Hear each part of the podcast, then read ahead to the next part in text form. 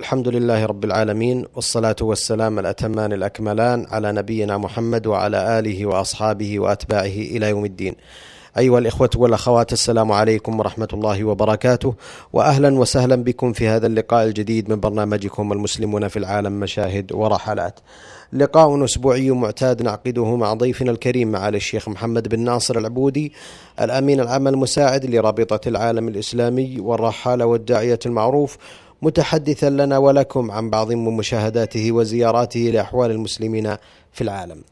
آه، معالي الشيخ محمد ما زلتم في تجوال دقيق ومفصل عن أحوال المسلمين في سيبيريا. آه، هل من مزيد من المشاهدات التي وقفتم عليها إبان جولتكم تلك؟ بسم الله الرحمن الرحيم نحمد الله سبحانه وتعالى ونستعين به في كل آن وحين ونصلي ونسلم على عبده ورسوله سيدنا محمد وعلى آله وأصحابه أجمعين. أما بعد فإن الحديث سوف يكون متصلا عن منطقة تومين في الشمال الغربي من سيبيريا. وقد وقفنا ونحن نتكلم عن يوم الجمعة الذي وصلنا فيه إلى تومين. فدخلنا الفندق وتحدثنا عن ذلك واسترحنا فيه قليلا. وقال لنا الإخوة إلى صلاة الجمعة في مسجد عمر بن الخطاب في تومين.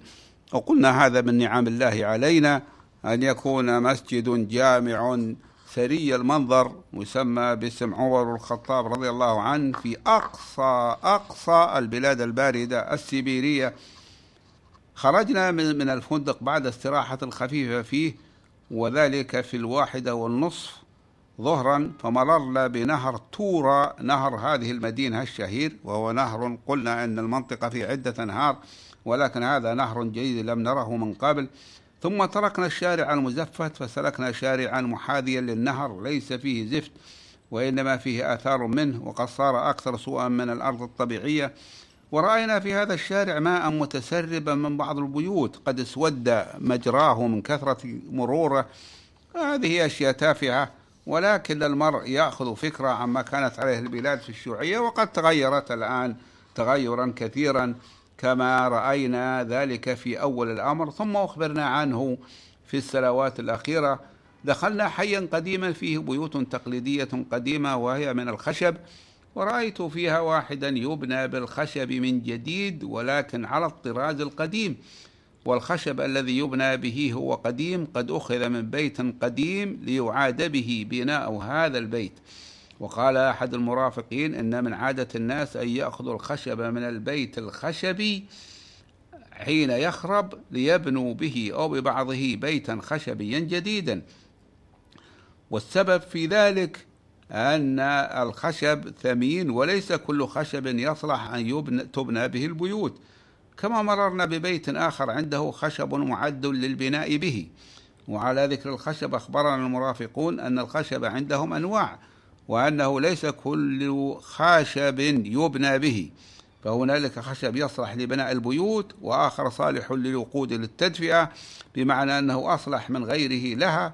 وهذا مثل ما كان معروفا عند قومنا في السابق من كون نار الغضا أحر أنواع الوقود وتليها نار السمر وأن خشب الأثل من أردعها نارا. لا شك أن هذا بسبب طبيعة الأخشاب ليس بسبب النار لأن النار فرع عما يتولد من الأخشاب. البيوت القديمة هنا كلها من طابق واحد غير مرتفع. ثم رأينا منارة مسجد عمر بن الخطاب في تومين شامخة من مسافة بعيدة.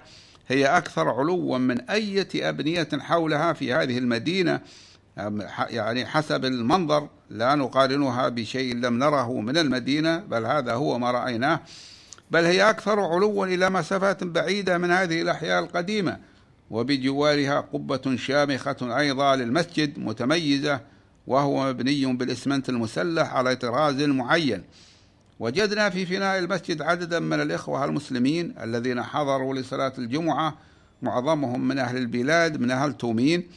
الروس يعني ذو الأصل الروس وفيهم قلة من العرب فيهم اثنان من المغرب واثنان من السودان. ومن العجيب أن أخوتنا أخوينا الاثنين هؤلاء من السودان سألتهم كيف تعيشان في هذه البلاد الثالجة الباردة وأنتم البلاد الدفيئة فضحكوا وقالوا إننا نعيش في ذلك لأننا متزوجون. كل منا متزوج بزوجة من أهل البلاد ولديه عمل فيها. صعدنا مع درج من الرخام إلى المصلى في المسجد. يعني المسجد كان مرتفعا عن الشارع قليلا وهو في الطابق الثاني المسجد في الطابق الثاني. وليس معنى ذلك أن الطابق الأول مساو للأرض وإنما هو مرتفع عنه قليلا لأن بعضه محفور في الأرض. أما الطابق الأول الذي هو الأرضي فإنه مخصص لصلاة النساء. وهن بهذا لا يرين الإمام ولا من خلفه. وهذا خلاف ما كان عليه صلاة النساء في المسجد في عهد الرسول صلى الله عليه وسلم إذ كان النساء يصلين خلف الرجال كما سبق لي أن ذكرت. لا أدري متى ذكرت ولكن كان ذلك في إحدى هذه الحلقات من هذا البرنامج. رأينا المصلى واسعا مزينا بنقوش تقليدية تتارية ومطليا بطلاء أكثره أخضر وفيه تجميل باللون الأحمر أيضا. وقد كتبوا على محرابه البسملة بسم الله الرحمن الرحيم وأول آية الكرسي الله لا إله إلا هو الحي القيوم لا تأخذه سنة ولا نوم هذا أمر مفرح جدا لم نكن نظن أنه يحصل في هذه البلاد القصية من سيبيريا وجدنا أحد المشايخ يلقي درسا قبل الصلاة من مكبر وهو واقف بلغة القوم التي هي اللغة التتارية مع أن المصلين فيه من هو من القازاق ولكن لغة التتار قريبة من لغة القازاق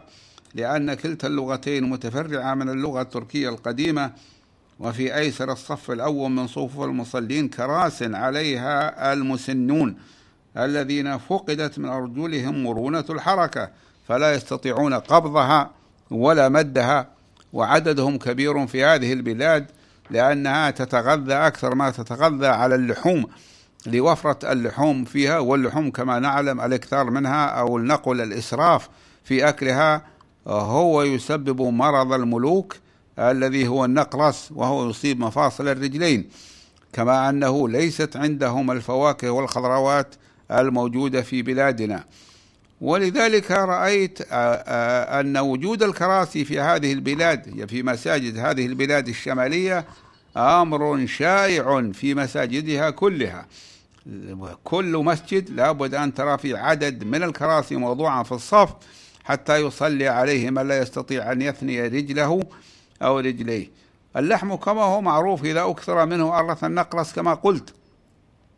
وقد يتعداهما يعني يكون في القدمين وقد يتعداهما إلى مفاصل الرجلين. وليس معنى هذا أن الأكثرية هم على كراس بل أن العكس هو الصحيح. فالأكثرية على الأرض مثلنا يصلون ولكن يوجد عدد كبير غير معتاد من الذين يصلون على كراسي. وقد لبس مرافقنا الشيخ نفيع الله وهو المفتي في المنطقة من غرفة في المسجد ثياب الإمامة إن صح التعبير. وهي الجبة التتارية الخضراء والعمامة التي يدار عليها شريط أخضر أيضا. ثم أذن مؤذن منهم يرتدي ثوبا عربيا وصدريا جاكتا الأذان الأول. بصوت شجي جميل خاشع إلا أن الحاء في محمد يستعصي عليه النطق بها نطقا كاملا لثقل الكلام بالحروف الحلقية عليهم. وقد تنفل القوم بعد أن انتهى المؤذن بأربع ركعات صلوها في تسليمتين هذا كله قبل الصلاة وبعد الأذان. ثم أذن المؤذن نفسه الأذان الثاني. نهض بعده الشيخ نفيع الله فصعد المنبر وابتدأ الخطبة عربية بحمد الله والصلاة والسلام على رسول الله صلى الله عليه وسلم. وأورد بعض الأحاديث والنصوص في فضل الصلاة ووجوبها والتحذير من الإخلال بها. وبعد ذلك بدأ يتكلم باللغة التتارية وهي لغته الأصيلة.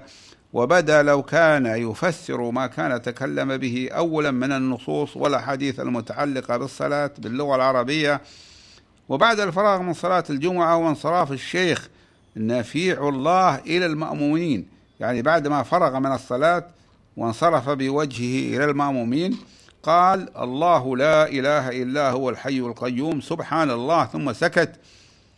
ثم دعا بدعاء بعد أيضا وسكت. بعده بعد ذلك نهض بعده هو والقوم فأدوا صلاة النافلة بعد الصلاة أربع ركعات في تسليمتين. قرأ بعدهما إمام المسجد الشيخ عالم جان فالشيخ ليس إمامه ليس إمام المسجد آيات كريمة من القرآن الكريم ثم دعاء. وهكذا انتهت مراسم الصلاة.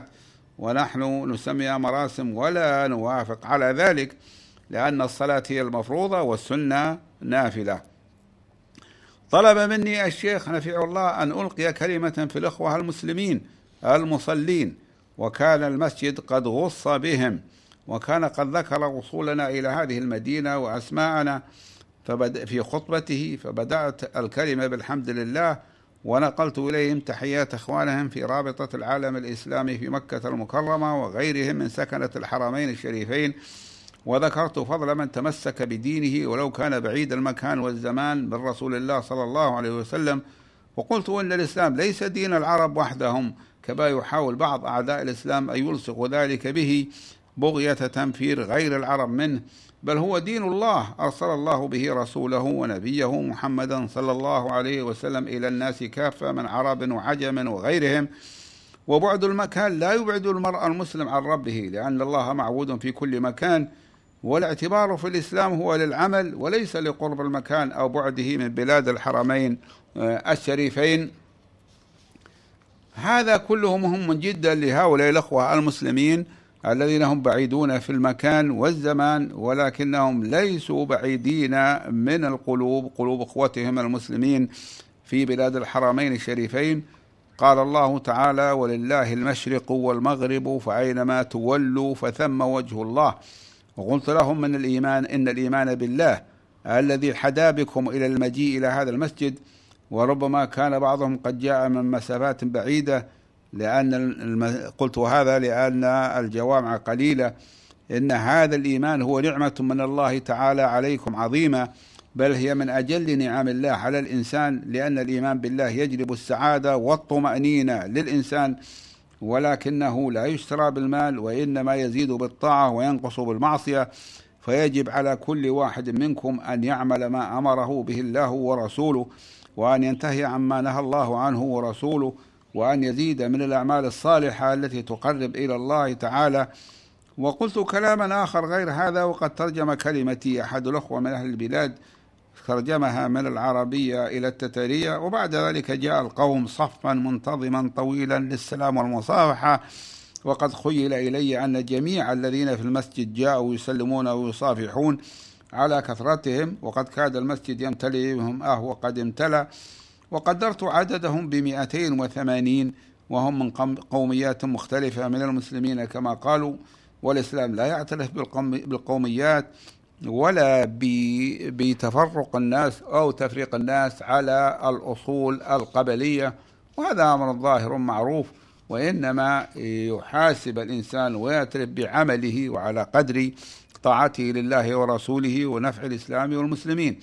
عندما انصرفوا من المسجد ألقيت نظرة على المسجد فإذا به ذو هندسة عجيبة من الداخل رغم بعده فله رواق من الداخل فيه أعمدة متقاربة هي أعمدة متقاربة لأن حوائطها الداخلية متقاربة تركبها قبة واسعة لكنها غير مستديرة استدارة كاملة.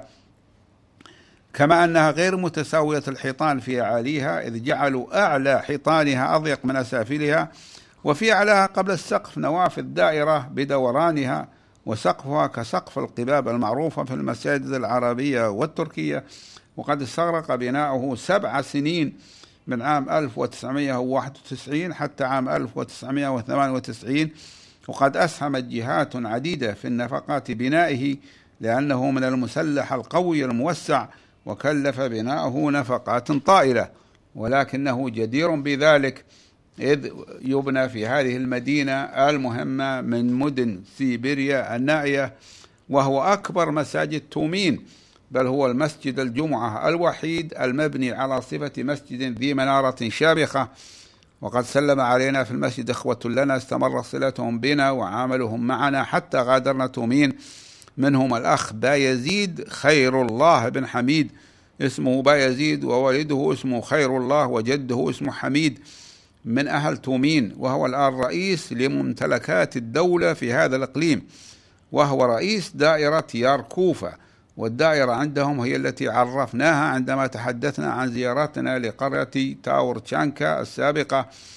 وتابع دائرة ياركوفا ثمانين كيلومترا من تومين أو نحو ذلك وهو مسلم ملتزم ساعد على منح الأراضي للمساجد في عدة أماكن تابعة لإدارته ومنهم الأخ آمر خان مراد اسمه آمر خان مراد رئيس شركة نيكول ماركت. وكانت لنا جلسة مثلها طالبها القوم مع بعضهم في زيارة لمدرسة إسلامية للبنات ملحقة بالمسجد. وهذه المدرسة قديمة ليست حديثة ولكن الشيوعيون كانوا صادروها واستعادها المسلمون بعد سقوط الشيوعية. وقال لنا مرافقون أن المطلوب هو أن ترى المدرسة وإلا فإن البنات في عطلة الآن هنا لأن هذا هو زمن العطلة المدرسية للطلاب. ورأيتهم قد نصبوا فيها مروحة تدور لتكافح الحر. فقلت لهم أمروحة في سيبيريا وإنما أولى بكم أن تشتروا مدفئة مدفأة فذكروا أن هذه المروحة من مراوح عدة كان السعوديون ولا أدري أي سعوديين هم قد اشتروها عند إقامة دورة تدريبية وعندما استغنوا عنها أهدوها لنا. وإننا فإننا لا نعرف شراء المراوح آه، مطلقا. فقلت هذا هو المفهوم. وقدموا لنا الغداء في المدرسة فيه خبز غليظ مقلي كالفطائر وزبد وفطائر باللحم المطحون يسمونها باراميتش وسلطة كاملة مع الخل ثم صحن من الكبدة الطازجة المقلية. لا أدري كيف أحضروه ولاحظت وجود نوع من الذباب كثير في سيبيريا كان يكثر في بلادنا مثله. في الربيع تسميها العامة عندنا شيخ الذبان لكبر, حج لكبر حجمه بالنسبة إلى الحجم المعتاد للذباب. وهذا أمر طبيعي أن تكثر الحشرات في البلاد شديدة البرودة ومن ذلك سيبيريا. وقد ذكرت كثرة البعوض فيها وفتكه بالناس. وربما كان الأخوة يتذكرون ذلك إذا كنت قد ذكرت بالفعل. وأنا قد ذكرته عند الكلام على مدينة آه انجوري كان جلس معنا على هذه المأدبة ثلاثة عشر شخصا بحثنا معهم أمورا متنوعة عن أحوال المسلمين وأوضاع هذه البلاد الشاسعة التي يكفيك لتصور سعتها أن الطائرة النفاثة تسير ساعتين داخلها. أي مثل ما تكون المسافة بين مدينة جدة والظهران دون أن تكون خرجت منها. ومع ذلك فإن عدد السكان فيها ضئيل جدا بالنسبة إلى مساحة الأرض فالسكان عددهم ثلاثة ملايين ونصف. فيهم سبعة, سبعة عشر بالمئة مسلمون. ثم قمنا بجولة داخل المدرسة وهي في بناء خشبي جيد قديم البناء. ذكروا أن الحكومة أعطيتهم إياها بالمجان. ولما حاولت حاولت أن أشيد بهذا الأمر قالوا إنها مدرسة قديمة للمسلمين. كانت تابعة للمسجد ولا يفصلها الآن عن المسجد إلا نحو ثمانين مترا. كان الشيوعيون قد صادروها واستعملوها ثم استعادها المسلمون بعد أن سقطت الشيوعية وهي مبنى أثري مضت على بنائه أكثر من مئة سنة رغم كونه من الخشب. ونحن لا نتصور أن تكون البيوت من الخشب ولكن هذه هي طبيعة الحياة في سيبيريا لوفرة الأخشاب ولشدة البرودة ولأن الخشب يعتبر عازل للحرارة ويعتبر مدفئا بالنسبة إلى الطين أو الإسمنت. ذكروا لنا أن الطالبات عددهن ليس كبير ولكنهن ولكنهن يعشن داخل المدرسة أي أنها مدرسة داخلية وكلها قائمة على التبرعات. هذا وقد تجولت فيما حول المسجد وصورته من الخارج صورة عامة ومنارته أعلاها مذهب أي مطلي بلون الذهب. ولون القبة أبيض ويقع المسجد في حي يسمى حي بارفيونا. هذا كله لقد لقد أطلت على ذكر المسجد وهو جدير بذلك لأهم لأهمية المساجد في تلك المنطقة. رأينا ريف أقليم تميم من القطار حينما أسفر النهار في هذا الصباح ولكن القطار لم يقف ولذا لم نقف عليه. وعندما قال لنا الإخوة أننا سنذهب إلى مكان خارج مدينة تومين يبعد, يبعد عنها بنحو أربعين كيلومترا. رحبنا بذلك.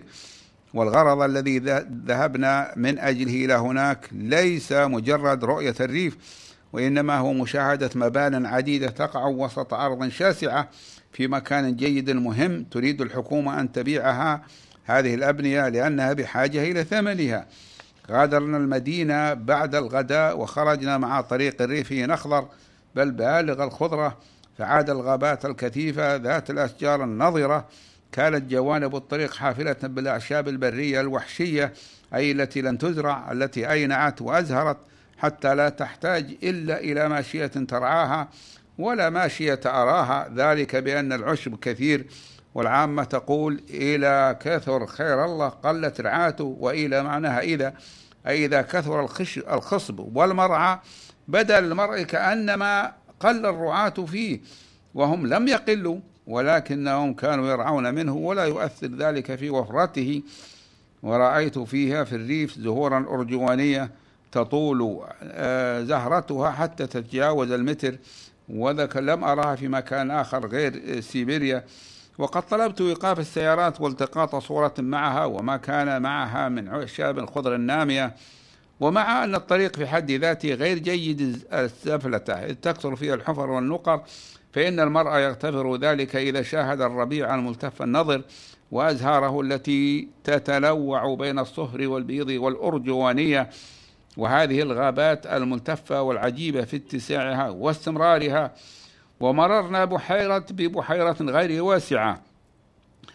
وبصبايا يراين أو يرى أهلهن أن هذا الحر السيبيري القصير العمر يشفع لهن بعدم الستر في اللباس وهن يسرن على الطريق وأشكالهن أشكال الأوروبيات لأنهن من الروس وأشباه الروسيات ولسنا من بنات المسلمين.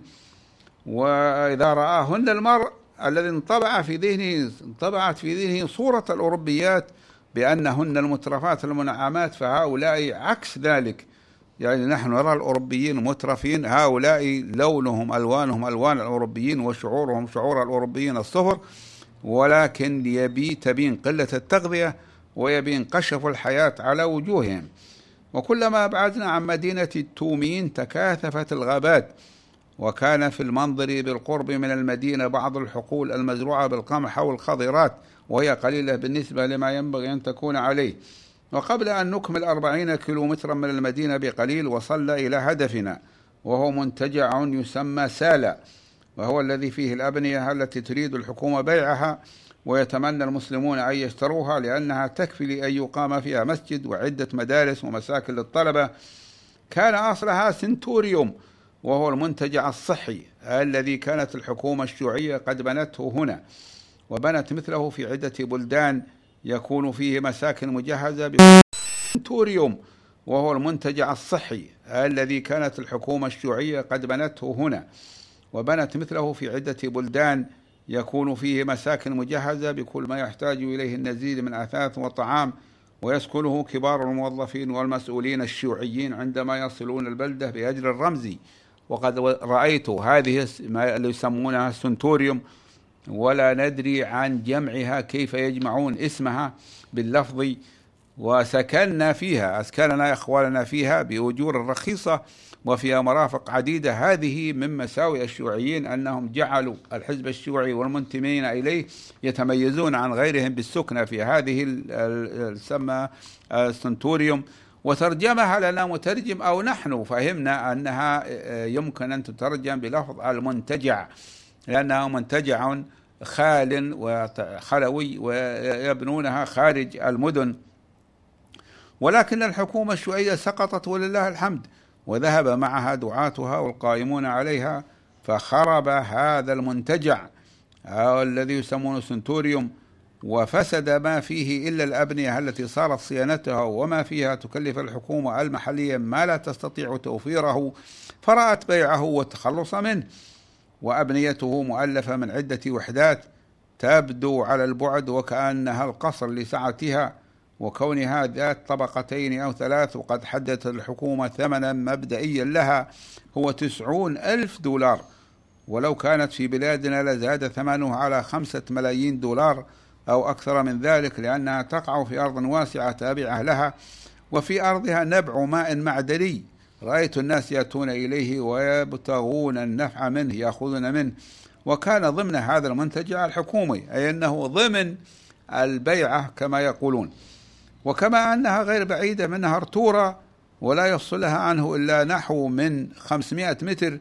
ولو كانت الأمور الاقتصادية تسير سيرا معتادا في ذلك الوقت لاشتراها المواطنون الذين قد يجدون أموالا من أقاربهم أو يكونوا هم استثمروا ما لديهم في الخارج.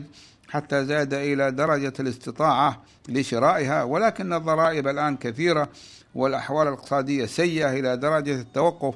فحتى لو رممها مستثمر وأصلحها فإنه لا يستطيع أن يستثمرها الآن لأنه لن يجد من يستأجرها منه وهذا هو سبب كسادها. أن طموح الإخوة المسلمين هذا ممثلين في الإدارة الدينية لمسلمي القسم الأوروبي من روسيا للحصول على هذه الأبنية أمر مفهوم.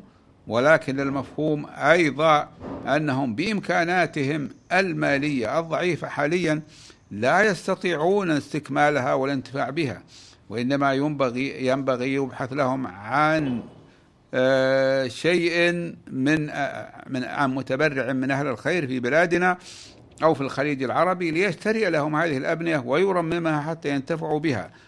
وقد كتبنا ذلك في مذكراتنا ونسأل الله سبحانه وتعالى أن يحققه. أحسنتم معالي الشيخ محمد. أعتذر إليكم أيها الإخوة والأخوات عن قطع حديث معالي الشيخ محمد بن ناصر العبودي الأمين العام المساعد لرابطة العالم الإسلامي والذي كان يتحدث إليكم تفصيلا عن زيارته لتفقد أحوال المسلمين في سيبيريا.